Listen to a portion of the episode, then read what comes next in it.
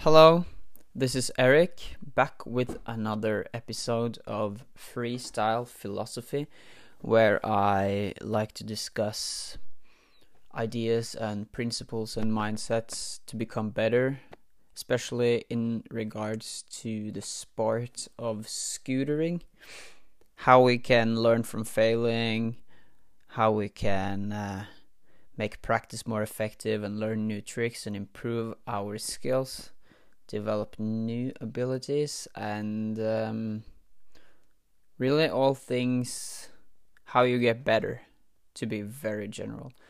But anyways today i wanted to discuss smarter practice. Uh, moreover what do you actually do when you go ride when you go practice when you go train even if if it's another another sport or activity? What do you actually do it's not enough to just say that you've done the thing, but how well did you do it? How focused were you in the minutes or hours you did the thing? What did you actually achieve? How did you actually improve? What did you actually practice and uh, focus on? Because the how is um, more important than the how the how sorry. The how is more important than the, the duration i feel like. And it all comes down to the idea of quality over quantity. Because however long you do something it doesn't really matter if it wasn't good if it didn't do something for you if it didn't provide some sort of betterment and progression. You can do something for very long, work very hard, but don't produce any results because you didn't focus or you didn't have a clear, determined goal for that day, that training, and you just messed around randomly. Perhaps that's a good strategy for some people too, but for me, it definitely isn't. So, what if your sessions were more intentional, making quality out of the time you actually spend at the park and focusing more on that quality of practice rather than the duration of practice? Do you have a personal approach to how you do your practice best? And how you can get more efficient with learning, or do you just go about it all randomly? Because one thing is to just go to the park, as I said, another is to actually make your hours at the park worthwhile. Of course, you can have fun with friends and ride, but if if your goal that day is uh, improvement and learning a new trick, then uh, a little bit of intention might not be bad and a little bit of an, of intention and focus in your practice doesn't have to take away from having fun with friends, of course. Um, the two aren't mut- mutually exclusive, so to speak. But having a bit of a structure might help you a lot, knowing what you want to achieve and how you actually want to do your practice rather than just taking it as it goes and um, for the long term or at least longer term longer than just now for example a week two weeks even a year i think being a bit bit more aware of how well your practices actually go and focusing more on the quality rather than the quantity will help you a lot because you're not gonna exhaust yourself as much mentally or physically from a given session. And that'll in turn make it so that you can ride more often. Perhaps each day, perhaps even several times a day. And you can really double down on and maximize your focus.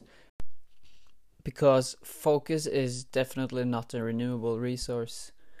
And um, there comes a point, a threshold even, when uh, focus starts slowing down and you start getting sloppier and being mentally clear is really important for scootering because it's so much more than just a physical endeavor. It's also, as we all know, very mentally uh, demanding when you have to learn new tricks and focus on doing the techniques right and get the run up right and spin in the exact uh, order, let's say, and speed and time everything, and all of that is just as mental as it is physical. And um, therefore, I think you'll get more progression if you focus uh, your training on a longer duration of time, meaning more volume but shorter sessions where you maximize um, your your focus and your brain power really. Basically training smarter rather than harder. And uh, they do this in a lot of different sports like basketball you have the classic example of for example kobe training three to even four times a day i think and uh, both a bunch of strength conditioning and, of course, basketball practice. And then there's jiu-jitsu.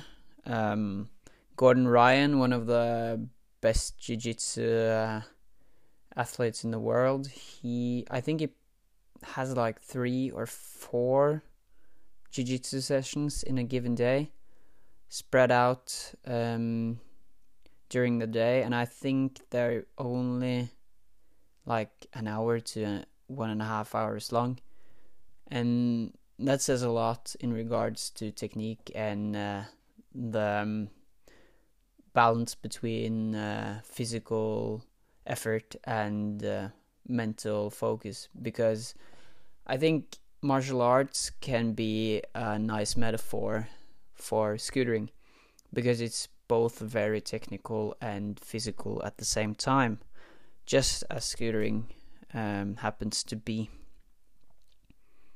And I've found this in my own experience that when I have the most progression is uh, when I do shorter sessions, but I ride more, more often. And in the long term, I definitely get more volume in, and I don't exhaust myself, and I don't injure my body either, because injuries they come um, fast, way too fast and it's much more fun to ride every day than a couple times a week where you go all in and ride for like half a day and just exhaust yourself.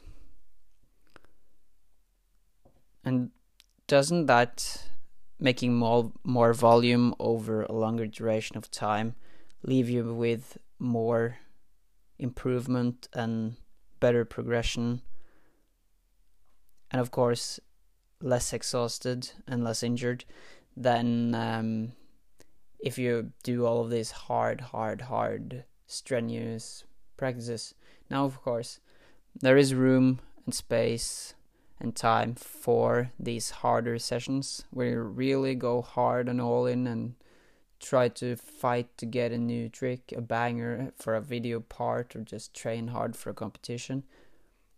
But um, I think you'll progress faster if you train a little smarter rather than harder and um, see how it goes over a longer time, a longer period, several days. And you might disagree, and that's totally fine, but this is what worked most effectively for me. And it also, of course, depends on how much you actually can ride and how um, how many parks you have available to ride because as for me right now in winter time in Norway there's not a lot of parks open and you can only go ride when the indoors are open and that doesn't leave you with much room to explore and uh, try out different strategies for practice. You basically have a couple of times a week you can go ride and that's it. But in summertime i really love to apply this strategy and go ride maybe once in the morning and then once in the afternoon in different parks even. Or just go ride for several hours in the middle of the day and then do the same the next day and the next day after that. And i can really focus in on practicing the same lines over and over again and really focusing on volume because volume of quality over time is gonna uh, produce results. So this is how i view it. When I I think of training smarter is to focus on quality in the short term, like for a single practice, but then over the long term, you should rather focus on volume, getting a lot of these shorter bursts. And um, I hope you enjoyed this episode. I hope you found it interesting and um, please let me know if you disagree or there's something you, you'd like to add and um, if you found it to be interesting then please share it around with some friends that might benefit from the content and um, i'll leave you there smarter practice rather than harder practice produce results without all the injury and exhaustion and that's me for today. Bye, guys.